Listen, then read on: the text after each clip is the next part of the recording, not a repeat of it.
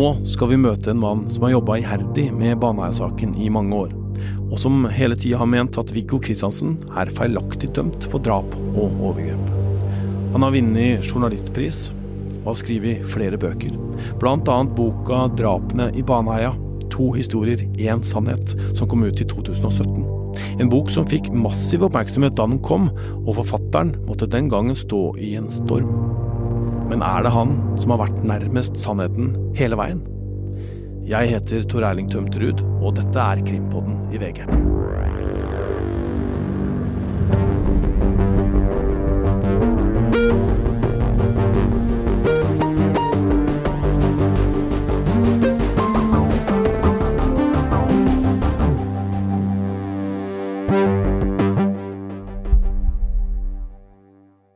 Endelig velkommen til oss, eh, Bjørn Olav Jahr. Tusen takk. Du er også med oss, eh, krimkommentator i VG, Øystein Millie. God dag, god dag. Bjørn Olav Jahr, de bøkene dine, vi må si at vi er imponert. Tusen takk. Hva er det som gjør at det er nettopp du som tar tak i de sakene som mange syns har vært vanskelige, og som, som da har skrevet bøker som kan kanskje være med å bidra til å løse to saker? Baneheia og Birgitte Tengs-saken. Ja, ja, altså det begynner jo i 2003. Eh, da ser jeg Asbjørn Rachlew, som er da politiets fremste ekspert på avhørsmetoder, holde et foredrag om politiets avhørsmetoder, hvor han snakket om hvor tilståelsesorientert man har vært i politiet. Uh, og det interesserte meg veldig. Jeg kjente meg veldig igjen som journalist også. hvor uh, altså Hvis jeg har en hypotese, så har jeg gjort veldig mye for å bygge opp under den, for å få bekreftet uh, alt, det som, alt det som jeg tror og mener. Eh, og og alle farene ved det. Så, så det interesserte meg veldig. Og han sa jo det at eh, det verste som kan skje fra politiets side når de, når de går så hardt ut mot f.eks. en mistenkt, det er jo at de kan få det man kaller falske tilståelser. Eh, så det var fenomenet falske tilståelser som gjorde meg nysgjerrig, og, og da var eh, Birgitte Tengs-saken det mest nærliggende. For der var det jo svært mange som mente at fetteren til Birgitte Tengs hadde kommet med en falsk tilståelse. Altså at han hadde tilstått et drap han ikke husket å ha begått eller som han da ikke hadde begått. Eh, og det er et veldig fascinerende tematikk. Altså kan man, kan man tilstå noe man ikke husker å ha gjort? Eh, noe som er særlig så alvorlig.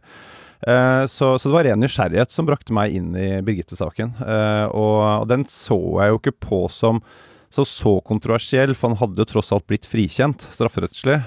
Riktignok dømt sivilrettslig, men, men, det var ikke noe sånn det var ikke et minefelt jeg gikk inn i. Eh, og så var jeg så heldig at jeg, jeg har jobbet som journalist i mange år, men så fikk jeg mulighet til å skrive bok. Og, og det som er fordelen med å skrive en bok, er at man får mye mer plass og mye mer tid, eh, og mye mer arbeidsro, da.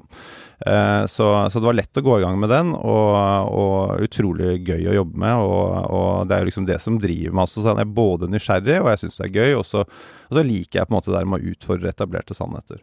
Og det måtte du også gjøre da i når det gjaldt Viggo Kristiansen? Ja, og det jo, ble jo mye verre. Fordi, fordi, det husker jeg da jeg begynte å jobbe med, med drapene i Baneheia. Den begynte jeg med våren 2016. Eh, og da, da når jeg fortalte folk at jeg jobbet med den saken, så måtte jeg alltid starte med å si at jeg vet at Viggo Kristiansen er et monster.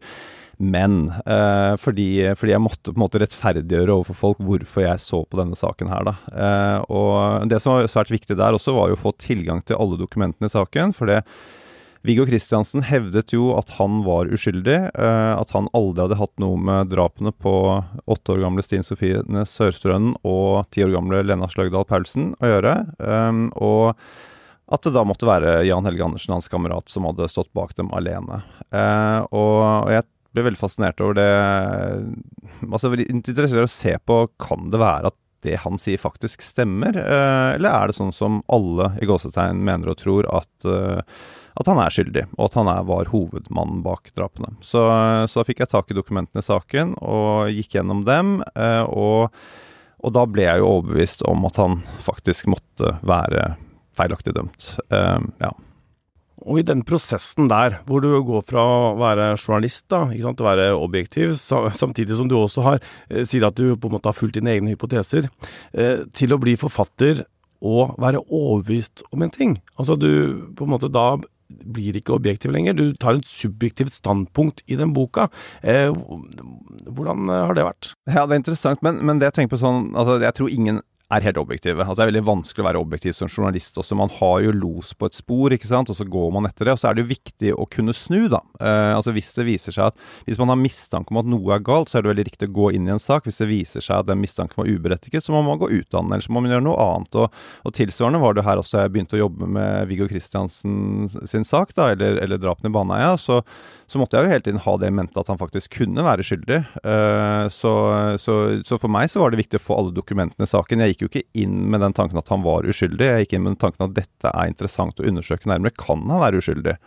Uh, og når jeg da går gjennom alle dokumentene og ser da at han har et det jeg mener er et åpenbart utelukkelsesbevis, nemlig et, mobilbevis som viser at han ikke kan ha vært på åstedet, i hvert fall ikke mobiltelefonen hans, mens ugjerningene fant sted, så syns jeg det var veldig rart at ikke det var blitt lagt vekt på. Eh, og så ser jeg også at det ble lagt vekt på at det måtte ha vært to gjerningsmenn. altså Man sa at man hadde sikre DNA-bevis for to gjerningsmenn, og, og, det også viste seg jo ikke stemme. Eh, så, så, disse to momentene var jo, var jo, svært viktige for meg. Og Jan Helge Andersens forklaring, selvfølgelig, som jeg også syns eh, bar preg av å ikke være spesielt sannferdige, eh, men at politiet la mye godvilje til, for de var overbevist om at det var to gjerningsmenn.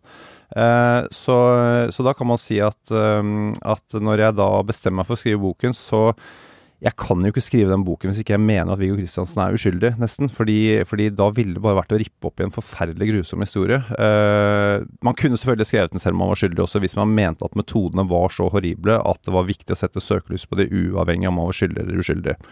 Uh, og det kan man nesten si sånn i etterpåklokskapens lys, så kunne jeg nesten sagt det. Uh, og jeg kunne også vært kanskje mer dempet i form av å si at, som jeg skrev veldig tydelig i boken, at han er uskyldig. Jeg kunne skrevet at han skulle ikke vært dømt. Uh, jeg kunne vært litt mindre på der. På en annen side så tror jeg liksom at den døra var så murt igjen da, at hvis ikke det var noen som brukte en slegge, så, så ville kanskje ikke døra åpnes. da.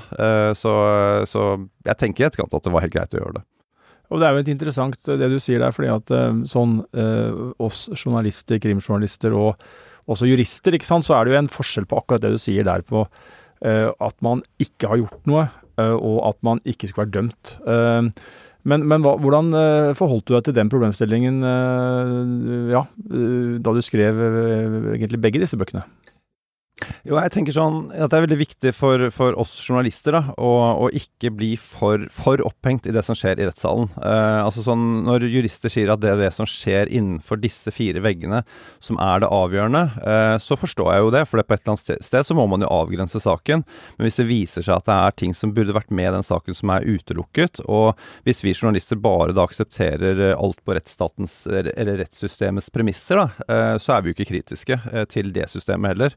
Eh, så vi må gå utenom, og da, og da tenker jeg hele tiden at det er om å gjøre å søke sannheten. Eh, det er ikke gitt at man finner sannheten i en rettssal. altså Der skal man jo bare dømme ut fra overbevisning om bevisenes styrke og kraft, eh, og si at, at ja, man anser det som bevist. Og så og så åpne, så er det større rom der ute for oss journalister. Da. så jeg tenker at det å ikke være forbundet til, eh, til, det juridiske, samtidig som jeg har jo stor respekt for både dommere og aktorer og, og forsvarere og sånne ting, men også de gjør feil, og også ja, så er det verdt å, å se nærmere på. Jeg vil anta at en problemstilling som du sikkert har vært borti noen ganger, er at eh, Og nå har det skjedd mye nå, så nå er det på en måte kanskje enklere å tenke at det ikke var så vanskelig. Men tidligere, da, hvor saken var eh, tross alt mer, mindre opplyst enn han er nå, så har jo du vært veldig aggressiv da mot Jan Helge Andersen, gitt at du mener at Viggo Kristiansen er uskyldig. Eh, eh, hvordan har du tenkt rundt det? Ja, ja, jeg, ja, det blir jo Det er klart som en gang du sier Når, når, det, når det, er to alternativer, da, at det ene er at Jan Helge Andersen har drept og voldtatt begge de to små jentene, eh, eller om Viggo Kristiansen har vært med og attpåtil har vært hovedmann. Så er det klart at med en gang, eh, med en gang jeg har vært så tydelig på å fjerne Viggo Kristiansen, så, så, står jo bare Jan Helge Andersen igjen, da. Eh, men, men, det mener jeg jo at, at slik jeg tolker bevisene, så er det helt åpenbart at det er sånn. Og det er, det er min tolkning av det, så folk må gjerne mene noe annet. Men men jeg mener jo at, at, Og det er lett å se, sånn som du sier, sånn nå når man har foretatt nye DNA-analyser, og, og, de bekrefter jo at man har Jan Helge Andersens DNA som knytter ham til overgrep på begge jentene. Eh, så, så, så, bekrefter jo at jeg hadde rett, vil jeg jo si. Eh, på den annen side så, så, er jo, så er jeg veldig kritisk til at ikke de undersøkelsene ble gjort tidligere, da. Eh, dette var jo noe som advokat Sigurd Klomsæt, da han startet gjenopptakelse av Viggo Kristiansens sak i 2008, så ba han jo kommisjonen om å foreta nye DNA-analyser. Han ba om å få en ny DNA-sakkyndig, de ville ikke gjøre noen av delene. Og da han, etter, da han engasjerte sine DNA-sakkyndige, så ble ikke de hørt eller trodd, fordi de var da partsrepresentanter. Eh, og de var jo veldig tydelige på at det ikke var bevis for to gjerningsmenn. Og, og jeg vet også at uh, Ragne Farmen, som han da brukte, hun sier jo at hadde man gjort de analysene man har gjort i dag, i 2009, så hadde man fått de samme resultatene. Og for det som er situasjonen i dag, bare så alle henger med, er jo at, og det er jo kanskje for meg i hvert fall eh, en av de viktigste tinga, kanskje, det har kommet mye viktig fram i Baneheia-saken, men det at dette, denne C25-prøven, som jo ble på en måte altså, Det ble jo et slags bevis på at det var to gjerningspersoner, fordi at man fant da påsto at man fant DNA-spor eh, som kunne komme fra 54,6 eh, av norske menn, men hvor Jan Helge Andersen var utelukka. ikke sant? Det var jo et veldig sånn jeg tror det var veldig sånn viktig da, eh, for å på en måte si at eh, det var to gjerningspersoner. Og hvis det var to gjerningspersoner, ja, da måtte det være Viggo som var Jan Helges venn og hadde, måte ble beskrevet som han gjorde. Og så har jo, så har jo det ganske utrolige skjedd at det, også den har jo falt. Der har man jo nå funnet Jan Helge Andersens DNA i den prøven som man den gang da sa at han er ikke der. Og det det er, jo, det er jo skremmende. Eh, for det sier jo noe om at den DNA-teknologien eh, man lente seg på den gangen, den, ja, den har jo vært for dårlig. Eh, og det er ja, det, det, blir man jo litt mørkredd av. Å tenke at, at, at, det finnes jo andre også dommer på DNA fra den tida, ikke sant. Og, og er det flere? Altså, disse spørsmålene kommer jo. Men det, men det synes jeg altså Mørkere det kan man definitivt bli. fordi eh, jeg mener jo den gangen så fant man jo da denne ene markøren som kunne knytte Viggo Kristiansen og 54,6% av norske mann i befolkningen til overgrep på Lena. Eh, for, å få en, for å ha en fullverdig profil på den tiden så måtte man ha tolv mar markører, mener jeg. Og man hadde én. Eh, det er som Ragne Farmen som jeg refererte til i sted. Hun sier i en TV-dokumentarserie hun sier at det er som å ha ett tall på lottokupongen. Eh, altså dette, dette, er jo både britiske DNA-eksperter og danske DNA-eksperter har sagt at dette ville vi aldri brukt i retten i våre land. Eh, det er ingen grunn til at man skal bruke det i Norge heller. Det er altfor stor fare for forurensning. Og nå i etterkant så har man jo sett at denne, denne eh, allellen, da, som det er markøren, den dukker jo opp fra jeg tror det er fra ti forskjellige menn som har vært involvert i saken på et eller annet vis, deriblant også obdusenten. Eh, så, sant, det var stor fare for forurensning den gangen. Men, men politiet gikk ut på pressekonferanse og sa etter å ha fått denne prøven at nå har vi DNA-bevis som med 100% sikkerhet knytter Viggo Kristiansen til ugjerningene og åstedet. Og det var jo feil den gangen. Så skjer det at når, når representanten fra Rettsmedisinsk institutt, som vitner på vegne av spanjolene som har gjort undersøkelsene, hun sier i retten Hun korrigerer jo politiet i retten, og det gir jo henne en ekstra troverdighet. Det er jo også samme person som har funnet kjønnshår til Jan Helge Andersen, så man har stor tillit til dette sakkyndige vitnet. Og hun sier at nei, det er ikke slik politiet har sagt, det er ikke sånn at vi kan si at det er Viggo Kristiansens DNA.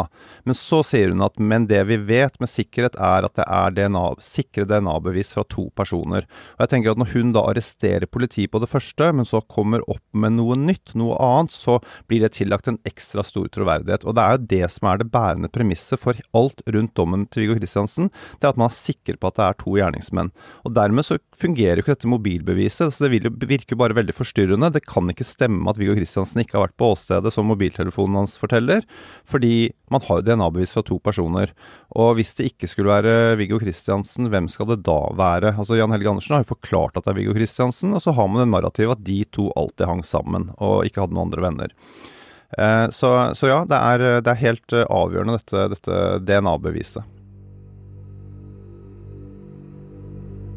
Det var 19. mai 2000 at ti år gamle Lena Sløgdal Paulsen og åtte år gamle Stine Sofie Sørstøen ble voldtatt og drept i Baneheia. Det er en sak som eh, har prega hele Norge i alle åra etter. En vond og vanskelig sak. Jan Helge Andersen og Viggo Kristiansen ble dømt. Det har skjedd mye siden den gang. Sommeren 2021 så ble Viggo Kristiansen løslatt. Han har hele tida nekta for å ha noe med drapene og overgrepene å gjøre. Gjenopptakelseskommisjonen beslutta at hans begjæring om gjenåpning skulle bli tatt til følge. Siden den gang har saken blitt etterforska på nytt av Oslo-politiet, som overtok saken fra Agder politidistrikt. Og nå denne høsten så er det venta at det kommer en avgjørelse fra påtalemyndigheten om de går for en frikjennelse av Viggo Kristiansen, eller kjører en sak imot ham. Mye har skjedd i saken også i sommer, for det kommer stadig nye opplysninger i saken. Noe som endrer saken litt, er jo at det kommet en ny siktelse inn. Jan Helge Andersen er nå sikta for drapet på ti år gamle Lena Sløgdal Paulsen. Hva innebærer det, Øystein? Nei, Det innebærer jo at uh, politiet mener at det er mer sannsynlig uh, enn motsatt at han uh, også kan knyttes til det drapet. og så er jo viktig å si da, at det er, en, det er en del av denne saken som fortsatt er under etterforskning, og hvor man nok sikkert skal gjennomføre litt mer før man konkluderer. Men det er jo et, et skifte at man har tatt ut den siktelsen. Og vi har jo lest og hørt i sommer at det har jo vært tydelig at dette har vært, eh, ja, det har vært diskutert eh, internt, eh, og man har vært ganske bevisst på man, hva man gjør da, når man har gått til det skrittet. Og når man da gjør det, og noen vil si at det kan det, at det har vært en prosess internt i påtalemyndigheten og politiet som skiller seg litt kanskje fra den vanlige, sier jo litt om at det, det er gjennomtenkt. Og, og, og, da tenker jeg at det er også et signal, da, at man velger å gjøre det nå. Man vet at uh, det er en betent sak, og man har da tatt det steget og, og pekt på Jan Helge Andersen uh, også i, i den uh, forbindelse. Det er jo fordi politiet har sine virkemidler, bl.a. ransaking, hemmelig ransaking hos noen, og da må man ha en siktelse. Ja, det må man, men man må jo ha grunnlag for siktelsen. Altså, Jeg kan jo ikke gå som politijurist og si at jeg har lyst til å komme inn til Tor Erling Tømt Ruud og undersøke hva han har hjemme, og så sier noen at ja, men da er det greit, for da er det skjellig grunn til mistanke. Jeg må jo begrunne det, og det er jo det som er bakteppet her. at man har nok tenkt seg nøye om og vurdert det ganske grundig. Og det er en terskel, fordi at uh, Jan Helge Andersens sak er jo egentlig avgjort. Uh, og Så får vi jo se hva som skjer. Det kan bli gjenåpning til hans ugunst etter hvert osv. Det vil jo tida vise. Men, men, det er klart at det er mange ting her som skiller seg fra en mer vanlig sak hvor du får en mistanke mot en person og så en siktelse og går inn og gjør en hemmelig ransaking. Her er det en mann som har blitt dømt det, og han har sona den straffen samfunnet sa han skulle sone. Og det gjør at det er litt, uh, litt spesielt. Og da, det, da, sier det enda mer, da, i mitt hode, at man uh, har for det første Og man har vært i retten og fått dette prøvd, og retten har vært enig med politiet. Og det er viktige premisser og signaler i hva som ligger bak denne siktelsen, som jo egentlig handla rent sånn praktisk om å komme seg inn til han for å se om det var noe bevis. Poenget er at uh, i denne ransakingen så har de bl.a. Uh, sett på laptopen til uh, Andersen, og, og, der fant de seksualiserte bilder av unge jenter, og bilder som viser overgrep mot barn. Og så kan jo ikke vi si hva det har å, å, å si for saken. Hva, hva sier det deg, Øystein? Nei, det er jo interessant at politiet beslaglegger det de mener er bevis uh, og er relevante ting uh, så lenge etterpå. Uh, og så skal jeg understreke at jeg har ikke sett disse bildene. Jeg har ikke sett hva det er og omstendighetene rundt det. Og jeg merker meg at, og det skal vi også for balansens skyld understreke, at, at advokat Svein Holden, som jo forsvarer Jan Helge Andersen, han har en oppfatning at disse bildene, så vidt jeg har fått med meg, kanskje ikke er Eh, at de ikke er, innenfor, altså ikke er, straffe, altså er straffbare. da. Eh, så, så, det må vi bare si at dette er uavklart. Men, men, eh, men politiet har nå gjort disse beslagene og jobber med å avklare hva, hva dette er, hvordan de er kommet dit osv. Og, så og det eh, skal man også merke seg, tenker jeg, at det skjer nå. Holden sa jo til VG at Andersen fastholder at han ikke har lasta ned eh, bildene. Og basert på Andersens forklaring da, og informasjon eh, fra etterforskningsmaterialet, så er ikke Holden eh, Han er usikker på om dette rammes av straffeloven, som du sier. Ja, men nå er jo dette materialet der, da. Så får vi jo se. Og det at politiet har funnet grunn til å ta det med seg og legge det inn i saken, det tenker jeg er også et signal, da. Og så kom det fram i TV 2 at Geir Olav Hansen som var den personen eh, fra politiet som avhørte Andersen den gangen, har hatt telefonkontakt med Andersen opp gjennom åra, og sist gang nå rett før gjenopptakelseskommisjonen kom med sin avgjørelse. En ganske lang samtale som Andersen hadde tatt opp, og som nå har da kommet til eh, politiet igjen. Eh, kan du si noe mer om den samtalen, Øystein? Ja, dette er en samtale som politiet har funnet nå, og som har vært eh, da lagra eh, hos Andersen. Eh, og det er en samtale som fant sted 10.2 i 2021, altså åtte dager, hvis jeg husker riktig, før gjenåpningen var et faktum. Eh, og eh, i denne samtalen, som TV 2 har eh, gjengitt, så snakka de om bl.a. et intervju det var snakk om å gjøre, og de snakka om denne prosessen og var jo da, sånn som det fremgår, enige om at dette var ja, noe de ikke hadde så mye tro på skulle føre frem. og Uh, en samtale som jo ser veldig rar ut uh, i dagens uh, situasjon. så det er jo ja, en av mange ting da, som har kommet fram nå i sommer som er interessant. Ja, jeg syns også den samtalen var veldig interessant. Eh, for det man må være klar over, er at Geir Olav Hansen det er jo han som avhørte Jan Helge Andersen. Det var han som sa til Jan Helge Andersen, eh, da Jan Helge Andersen ikke ville tilstå noe som helst, etter at man hadde funnet kjønnshåret hans på åstedet, som sier at vi har en teori om at også du er et slags offer i denne saken. Dette vet man jo, fordi Geir Olav Hansen skrev en rapport om dette i, etterkant, hvor han også sier da at Jan Helge Andersen, da fikk Jan Helge Andersen noe å tenke på. Vi har prøvd å få tak i Geir Olav Hansen, men han har ikke svart på våre henvendelser. Agder politidistrikt opplyser at han er pensjonist og ikke lenger jobber i politiet. Og så er politiet i Agder under etterforskning av Spesialenheten for politisaker eh, for å avklare om de har holdt tilbake relevante opplysninger for påtalemyndigheten og Gjenopptakelseskommisjonen. Og da snakker vi om den overgrepssaken som vi har snakket om før her i Krimpoden, eh, hvor Jan Helge Andersen ble anklaga for et eh, overgrep tilbake, tilbake i tid, før Baneheia-drapene, eh, som ble henlagt, men der offeret fikk erstatning. og så skal de da se da om politiet har gjort en feil her. Ja, og det som er viktig å si da når uh, vi sier at det ikke var en straff, men at offeret fikk en erstatning, er jo at det betyr jo at uh, noen har vurdert til at det sannsynligvis har skjedd.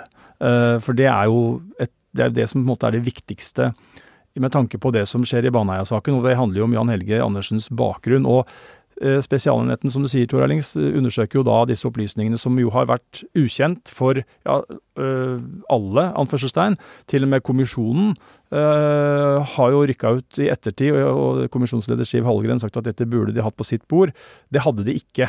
Um, og så får jo vi uh, si at uh, vi skal la den etterforskningen gå sin gang, og konkludere når den er avslutta. Men det jeg jo tenker rundt både den telefonsamtalen og denne Eh, opplysningene om denne overgrepssaken som vært, eh, ikke har vært der, tenker jeg understreker i hvert fall én eh, ting, og det er at det var veldig klokt av Riksadvokaten å ta Baneheia-saken vekk fra Agder, både på politinivå og på statsadvokatnivå, dra den til Oslo og sette både et, ja, et fullstendig så langt du kan da, innenfor et norsk politi, som jo er på en måte Vi har jo det politiet vi har, og det er jo de, rammene, de ytre rammene, men man tok det så langt vekk man kunne for å få en helt en helt eh, upartisk gjennomgang og så langt det er mulig da, eh, sørge for at det blir en etterforskning som ikke skal bli heftende ved at, at det var noen i gangene eller at det var noen gamle bekjentskaper osv. som gjorde at dette her ikke ble som det skulle. og det tenker jeg at Når det kommer fram sånne ting som vi ser her, så tenker jeg at det ja, understreker at det var viktig og riktig. Vi har vært i kontakt med politiet i Agder for å høre hva de syns om å bli etterforska sjøl, og om kontakten som Geir Hansen har hatt med Andersen. Politimester Kjerstin Askholt svarer følgende til oss på mail. Som jeg tidligere har sagt i forbindelse med Spesialenhetens etterforskning knyttet til 2009-saken, så ønsker jeg en slik etterforskning velkommen.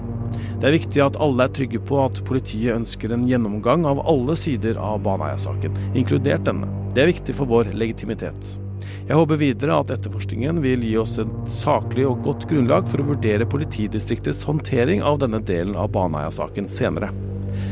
Det er dermed feil av meg å konkludere eller iverksette tiltak før Spesialenheten har etterforska ferdig og kommet med sin konklusjon.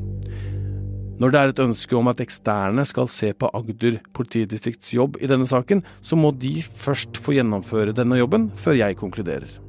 Av den grunn så må alle spørsmål som vedrører denne saken og etterforskningen, rettes til Spesialenheten på nåværende tidspunkt. Det skriver altså politimester Askholt til oss.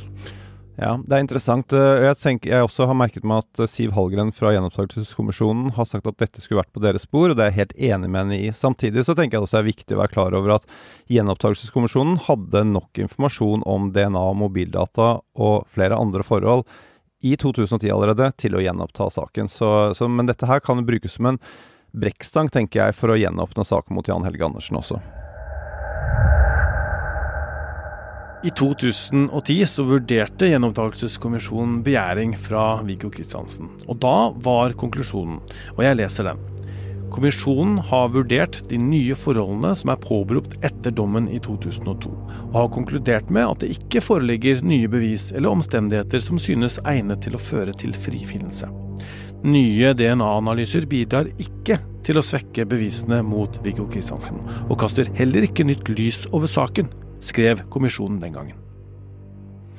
Ja, og så er, jo, så er det jo også det, Når vi snakker om kommisjonen, så er det klart at det er mange ting som nok kommer til å bli sett på her. og vi vet jo Nå snakker vi om både Agder politidistrikt og Gjenopptakelseskommisjonen. Så vet vi at man vel, eh, om det ikke er sagt rett ut fra de, de, som skal gjøre det, så er det jo sagt at man forventer at det blir en granskning og en gjennomgang av eh, Agder-politiets eh, altså befatning med saken. Og det kan jo hende at det er naturlig også å se på hvordan Gjenopptakelseskommisjonen både har behandla den saken her, og hvordan den fungerer som sådan.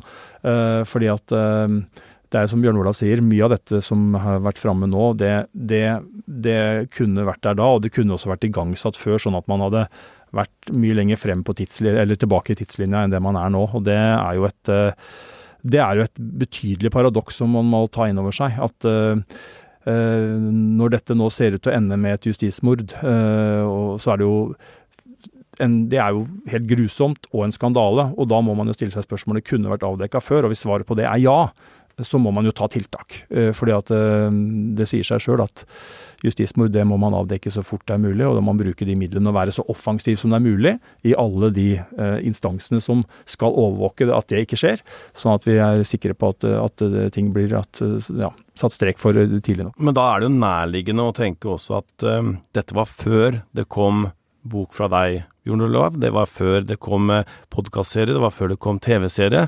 Eh, hva tror du bøkene og podkastserien og sånt har gjort med saken? Eh, jeg tror nok det har vært veldig viktig for å belyse saken og for å få, for å få oppmerksomhet rundt den. Og, for å få, og så stiller jo også kan du si, dagens gjenopptakelseskommisjon under et press. Det er ikke like lett å legge fra seg saken som det har vært tidligere. Eh, når det er sagt, så, så, mener jeg jeg er veldig, veldig tydelig på det. Det skriver jeg også i min siste bok, 'Prosessen mot Viggo Kristiansen', at denne saken skulle vært gjenopptatt allerede i 2010. Den kunne også vært gjenopptatt i 2009 også. Da var DNA-sakkyndige tydelige på at det finnes ikke bevis for to gjerningsmenn.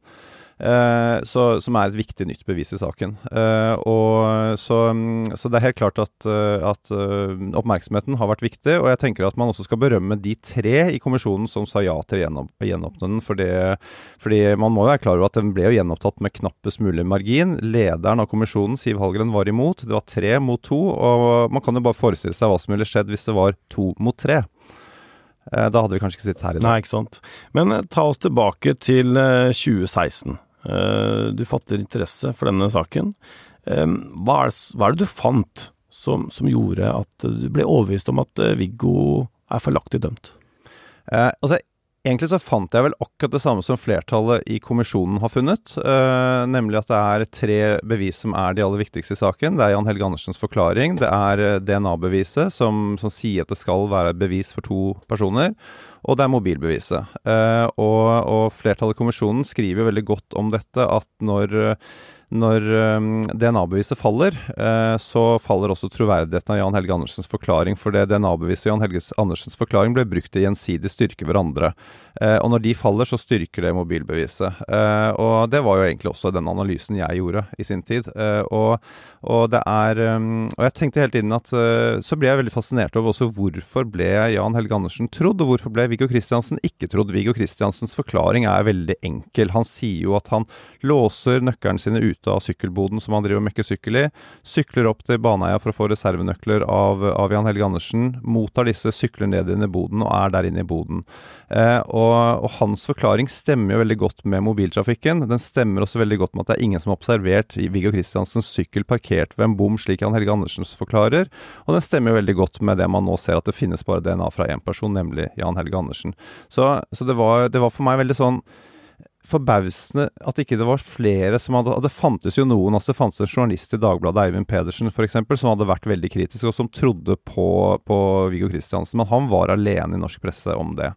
Uh, og, og, det fantes også noen personer, og man ser stadig vekk nå som, nå som, det går som det går, så ser jeg at det er stadig vekk flere som kommer på banen og sier at dette så de tidlig. Og jeg tror også på at mange har sett det tidlig, men, men jeg husker da jeg lanserte boken min også, så kom det opp folk til meg som sa det, å det er så utrolig deilig at du skriver dette, for dette har jeg tenkt på i så mange år, men jeg har knapt turt å tenke tanken.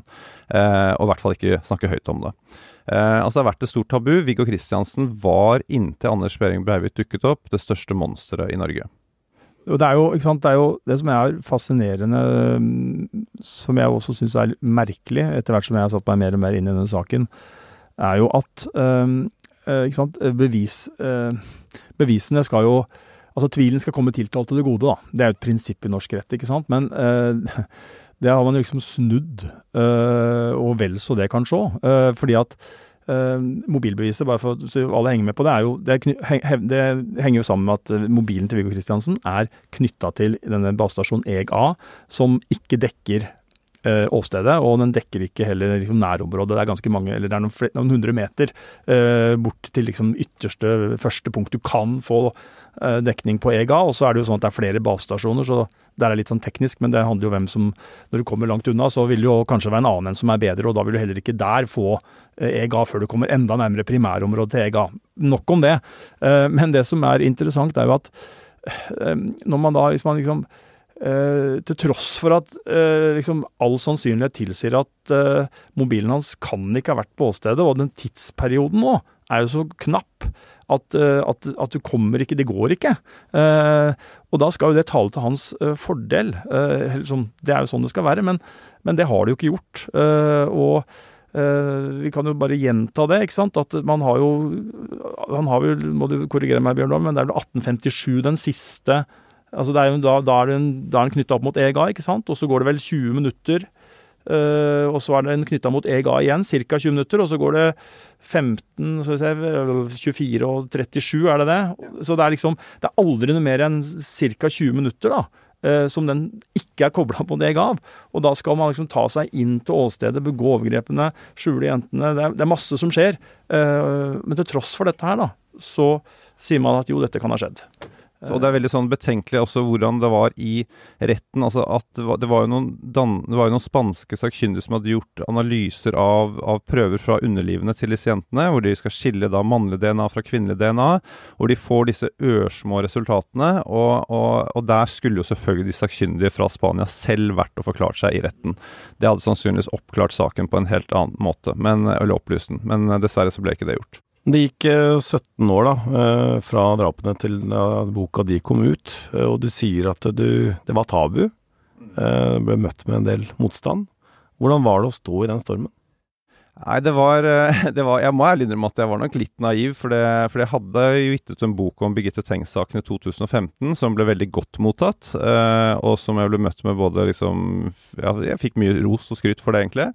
Eh, og så visste jeg jo at dette var en mer kontroversiell sak, at det var vanskeligere. Jeg merket jo, jeg lå jo altså Det var veldig lett å jobbe med den, for det, det var jo bare jeg som visste om det, inntil det fremkom fra, gjennom fritt ord at jeg hadde fått noe støtte derifra. Da ringte det en journalist fra Federlandsvennen, og han var veldig opprørt over hvordan jeg kunne skrive den boken, jeg som ikke hadde vært i rettssaken og dekket den rettssaken. Da prøvde jeg å si at jeg har jobbet som, for, som, redaktør i forlag i mange år. Jeg sa at det er folk som skriver strålende bøker om Nansen, og folk som skriver strålende bøker om andre verdenskrig uten å ha vært med selv.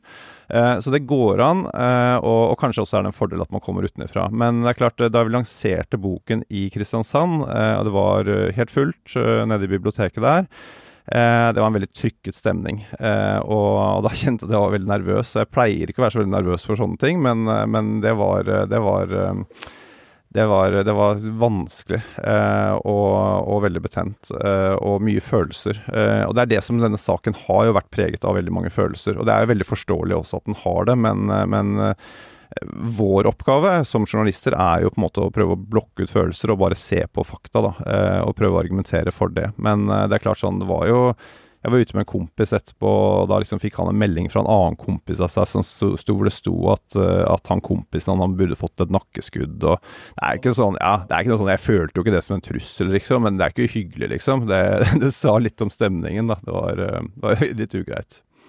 Og så var, var, det også sånn Eh, jeg ser jo i etterkant liksom at boken har fått det sånn Ja, dette blir stående som en veldig kontroversiell bok, eh, og, og, at den har møtt mye motbør og sånne ting. Men jeg, jeg, fikk jo mye med Altså, jeg fikk jo mange som Hege Ulstein var veldig tidlig fra dag, Dagsavisen, var veldig tidlig ute og og sa at Jarsfunn er sterke, og gikk inn for gjenopptakelse. Og Frode Helmik Pedersen, som er forsker på Universitetet i Bergen, har skrevet svært gode ting om Baneheia. Svein, Svein Tore Bergestuen gikk ut og, og, skrev en veldig god kronikk som var på trykk her i, her i VG om tok vi feil. og, og så det var, jo, det var, jo, også støtte å få, men, men det, var, det, var, veldig mye motstand.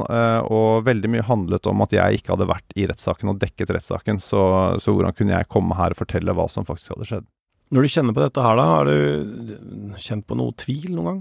Eh, nei, altså jeg har ikke kjent på noe tvil, for det, fordi jeg syns bevisene er så sterke. Men jeg har jo hele tiden, altså det skriver jeg også i forordet i den siste boken min også, dersom det skulle under nye etterforskninger dukke opp noe som tilsier at Viggo Kristiansen likevel har noe med dette drapet her å gjøre, så må jeg bare ta det til etterretning, og så må jeg se nøyere på det. Så må jeg se om kan jeg ha tatt feil. Men, eh, men hittil så er det ingenting som tyder på det, og, og det er jeg jo for så vidt glad for også. altså glad for Viggo Kristiansens del, men også glad for min egen del. Men, eh, men, dersom det hadde dukket opp, så måtte jeg bare forholde meg til det. Hva med Viggo Kristiansen og folka rundt ham, da?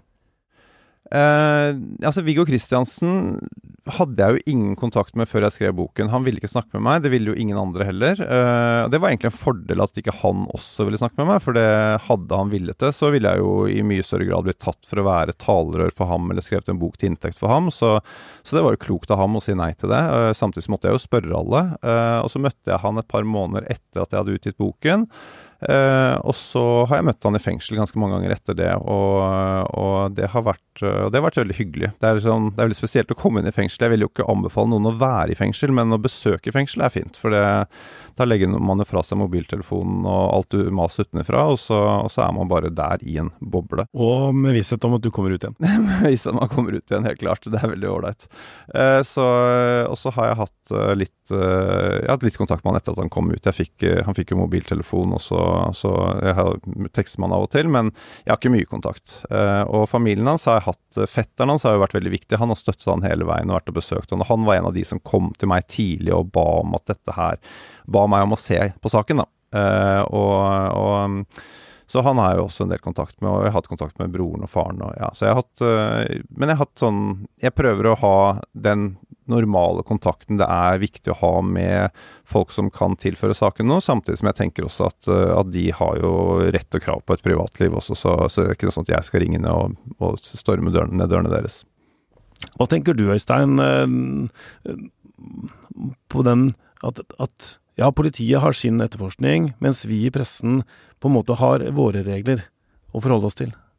Nei, det er vi vant til, og sånn er det. Og så er det jo viktig å uh, uansett få belyst uh, sakene så mye som mulig. Og kanskje må man da utfordre noen uh, rammer, da.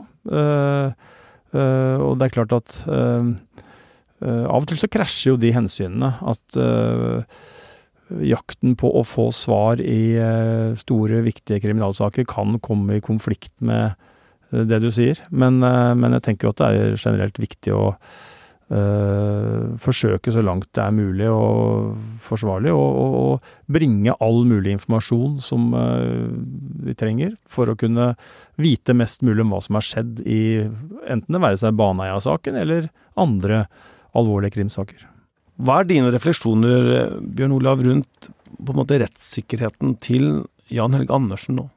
Jeg tror det er veldig viktig at, uh, at folk liksom besinner seg, da. Altså man merker jo på sånne grupper på Facebook og sånne ting at det kan være ganske hatsk stemning, uh, og at, uh, og at man At noen folk har på en måte nære å nå de samme følelsene som det man gjorde for Viggo Kristiansen tilbake i 2000, og, og det og Det er forståelig at folk kan være sinte og opprørte, men, eh, men jeg tenker at folk, det er veldig viktig at folk behersker seg. Og det er veldig viktig at, ja, at Jan Helge Andersen får en, en, eh, rettslig behandling. At han får en etterforskning som er fair, og at han, at han, får både muligheten til å svare for seg, men også at han får en, ja, han får en prosess som er god. da. og det, jeg tror og håper at det skal gå greit. da. Men jeg tenker noen ganger på at uh, jeg håper liksom at, uh, at, han har folk rundt seg, uh, og, at har, og, at han har, en slags sikkerhet, han også. det er viktig. Hva tror du skjer med Viggo Kristiansen nå? Uh, jeg er uh, så sikker som det går an å være på at Viggo Kristiansen kommer til å bli frifunnet. Uh, og så er det jo interessant å se i, i, hva slags begrunnelse man bruker for den frifinnelsen. jeg håper og tror også at den kommer til å være så god og så, og så klar at, han, at, han, at det vil være færrest mulig som hefter denne saken ved han i etterkant. Men han kommer jo aldri bort fra det at det vil være enkelte som alltid kommer til å si at det er han. Og at det at det f.eks. ikke finnes hans DNA på åstedet, det, det, beviser ikke at han ikke har vært der. Eh, men sånn kan man jo si om veldig mange andre også. Hva tror du skjer med Jan Helge Andersen, da? Jeg tror påtalemyndigheten kommer til å be gjenopptakelseskommisjonen om å gjenåpne saken mot ham. Eh, og Det kan jeg ikke forstå noe annet enn at gjenopptakelseskommisjonen vil si ja til. Eh, og så, og så tror jeg at det vil bli ført ny sak mot han på på drap og voldtekt på Lena Sløgdal Paulsen, som hun jo er, vel, er frifunnet for. Uh, og, og, det vil vel ikke være helt unaturlig om det også blir tatt ut tiltale mot falsk forklaring mot Viggo Kristiansen, for det er en forklaring han har opprettholdt frem til i dag. Nei, og det er, jo, det er jo det som er noe av de store spørsmålene nå, er jo si, hva som skjer eh, den dagen uh, Viggo Kristiansen blir frifunnet, som jo alt tyder på at kommer til å skje. Og så er jo da spørsmålet om som Bjørn Ola var inne på, om påtalemyndigheten. For det som er litt viktig å forklare for folk flest, er kanskje at det er ikke noen sånn automatikk i at i det øyeblikket Viggo Kristiansen er frikjent, så blir Jan Helge Andersen dømt. Ikke sant? Fordi at det, øh, det kan kanskje være vanskelig å forstå, men det at man sier at det ikke er Viggo, betyr ikke at man sier at ja, men da er det Jan Helge, og beviskravet er oppfylt. Eh, for det må påtalemyndigheten selvfølgelig gjøre, så ikke de begår et nytt, eh, et nytt feilsteg her da, ved at man skulle dømme Jan Helge Andersen uten at beviskravet er oppfylt. Og det er jo et strengt krav. Da skal man være overbevist om, helt overbevist om at Jan Helge Andersen har gjort alt alene. Og, og det kan man godt si at man tenker og tror, men man skal altså være overbevist og kunne bevise retten. Um, og det er jo, så der kan det jo også være sånn at man der er det sikkert noen problemstillinger som påtalemyndigheten eh, jeg vil anta tenker på mens vi sitter her nå. Eh, man har helt sikkert retta blikket fremover nå og tenker sånn hva gjør vi, hva har vi, og hvilke, gode, hvilke bevis har vi. Og så, og så, vil jo tida vise da for det første om man da velger, som Bjørn Nordahl sier, ta og gå til kommisjonen og be om å gjenåpne til ugunst, som det heter, for, eh, for den dømte, altså Andersen. Og så må jo da den, eh, kommer da, den siktelsen og de anklagene må jo da gå den samme veien. De skal fra politiet til statsadvokaten og sikkert til riksadvokaten. Eh, og så skal det for retten. Og så skal jo dommerne da til slutt avgjøre om, om, dette, om, dette er, om det er dekning for å si at, at, at, sånn er det. Snakkes i 2033 da, eller? Nei, det går nok ikke så lang tid, men, men det er viktig å, og litt i forlengelsen av det som Bjørn Olav også sa rundt Andersen, og tenker at det er viktig man forstår jo at det er sterke følelser, og at, eh, og at, eh, man er opprørt på mange forskjellige plan. Eh, men jeg tenker det er viktig å ha Altså, vi må, vi må fortsatt, selv om man kan kritisere rettsvesenet og politiet og det som har skjedd for en del år siden, så tenker jeg at vi, vi bør lene oss på å tenke at det som skjer nå, det må vi ha tillit til, da. Både rettsprosessen og at, at måte, ting nå blir gjort så riktig som mulig. Og og, og, la den prosessen gå sin gang, uh, tenker jeg er et viktig signal. Ja, nei, det er uh, helt, uh, helt, enig i det. Hvis vi ser mot oss selv, da, mot media og mot pressen, så har jo pressedekningen den gangen nå blitt kritisert for å være for ensidig. Hva, hva tenker du om mediedekningen nå? Uh, jeg syns uh, Man kan dele i tre. Uh, jeg tenker Mediedekningen den gangen da, da, saken gikk for retten, var ensidig. Men den er også noe styrt av at man får litt sånne bits and pieces. Altså det er, det er politi og påtale som styrer informasjonen. og, og Uh, og man er litt i sine følelses vold, tror jeg. Altså sånn uh, det, det, det, det, ser nesten ut som en sånn slags stor dugnad for å få Viggo Kristiansen dømt, dessverre. Altså så det er, er, klart kritikkverdig, men, men det er det er noe forståelig også, eh, det som skjedde den gangen, tenker jeg. Men jeg syns det er mye mer kritisk til, til den gangen rundt 2009 til 2011, hvor man fant ut at man hadde prøver fra Spania, dette laboratoriet, som viste at det kunne være fire forskjellige gjerningsmenn. Da det dukket opp, som jo torpederer denne, denne, dette premisset om at det må være to, sikre bevis for to gjerningsmenn, eh, at ikke noen problematiserte det, og at ikke mediene var opptatt av det, bortsett fra én person, da, altså Eivind Pedersen i Dagbladet, Så, så det, det, er, det, er, gåtefullt for meg, og synes jeg, der syns jeg pressen sviktet alvorlig. Og det var beskrevet ganske hatske kommentarer og ledere både i VG og, og i Fedrelandsvennen og sånne ting mot, uh, mot uh, disse forsøkene for å få saken gjenopptatt. Så, så, den motstanden man møtte der, den var veldig, den var veldig rar, uh, eller veldig lite tillitsvekkende. Og så tenker jeg dekningen i dag har vært Jeg syns dekningen blir stadig bedre og bedre, kan du si, men, men fortsatt så har det jo vært Det har jo vært liksom Um, mye dekning rundt altså problemstilling om at uh, dekningen har vært for ensidig i Viggo Kristiansens favør. Og sånn er det jo et uh, stort mediekonsern som har, som har uh, hatt for seg og sånne ting, og det syns jeg er veldig rart. Så jeg syns det har vært en del, en del, rart. Men jeg tenker, jeg syns jo også at at norske medier bør gå seg selv etter i sømmene når, når, denne saken er over. Akkurat sånn som man, det var snakk om som Øystein sa i sted, at man, det blir satt ned en offentlig granskning av, av hva politiet og påtale har gjort. Jeg tenker også at pressen kan godt sette ned en kommisjon for å finne ut hva pressen har gjort i denne saken. Ja, og det, det som jeg tenker er en uh, interessant diskusjon da, det er jo det vi snakka litt om i stad. Det er jo dette, disse rammene pressen har. Eh, og den eh, på mange måter fornuftige redselen og eh, forsiktighetene ligger i å rette anklager mot noen, den kan krasje med det hensynet som vi snakker om nå, da. For jeg er ikke sikker på om Bjørn Olav hadde kommet gjennom med et redaktørstyrt medium den gang da med, med hele boka si, ikke sant. og når man nå skal skrive fasit og ser at at uh, det, burde, det, burde, han ha gjort, så tenker jeg at det er en interessant debatt i pressen. Men jeg tenker på sånn, også i veldig redaktørstyrte medier så var det ingen bremser på når det gjaldt Viggo Kristiansen. Altså Han ble jo omtalt som ondskapens inkarnasjon, og det var ikke måte på. altså Der smørte man til.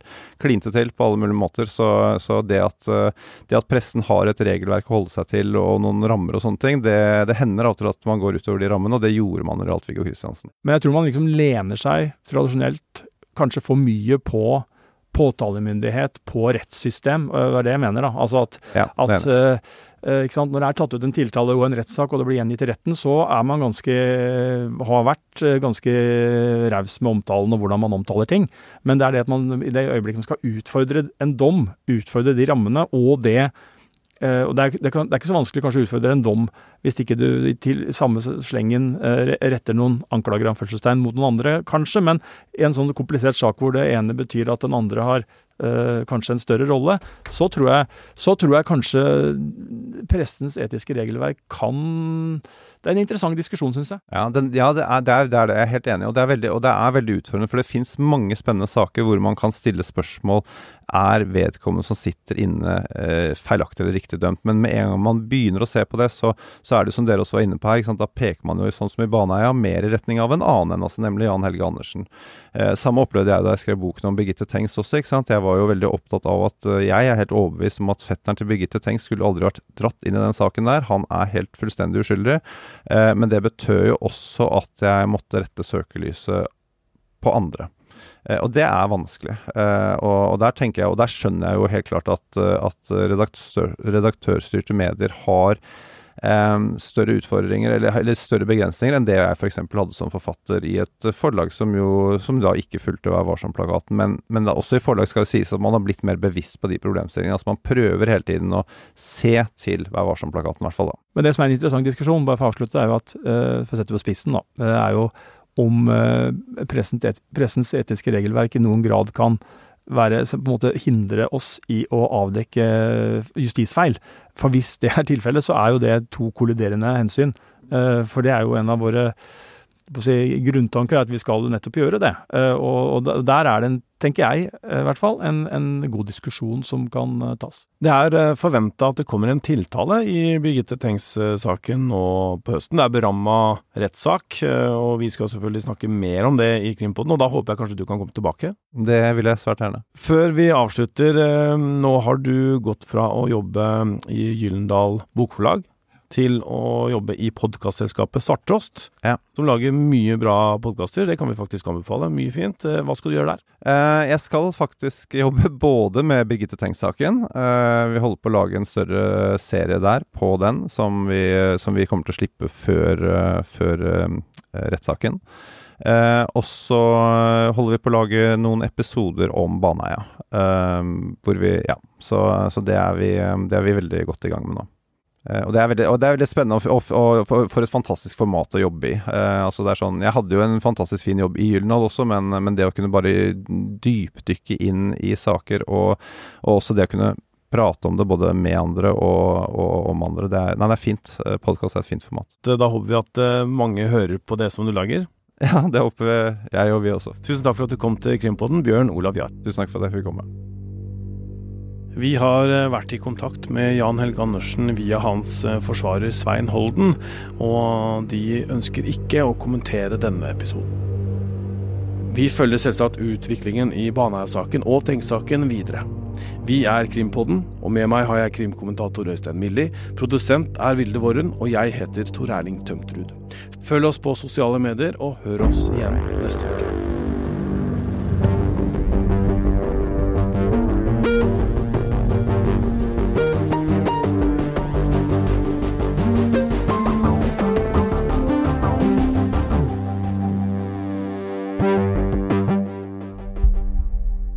Du har hørt en podkast fra VG.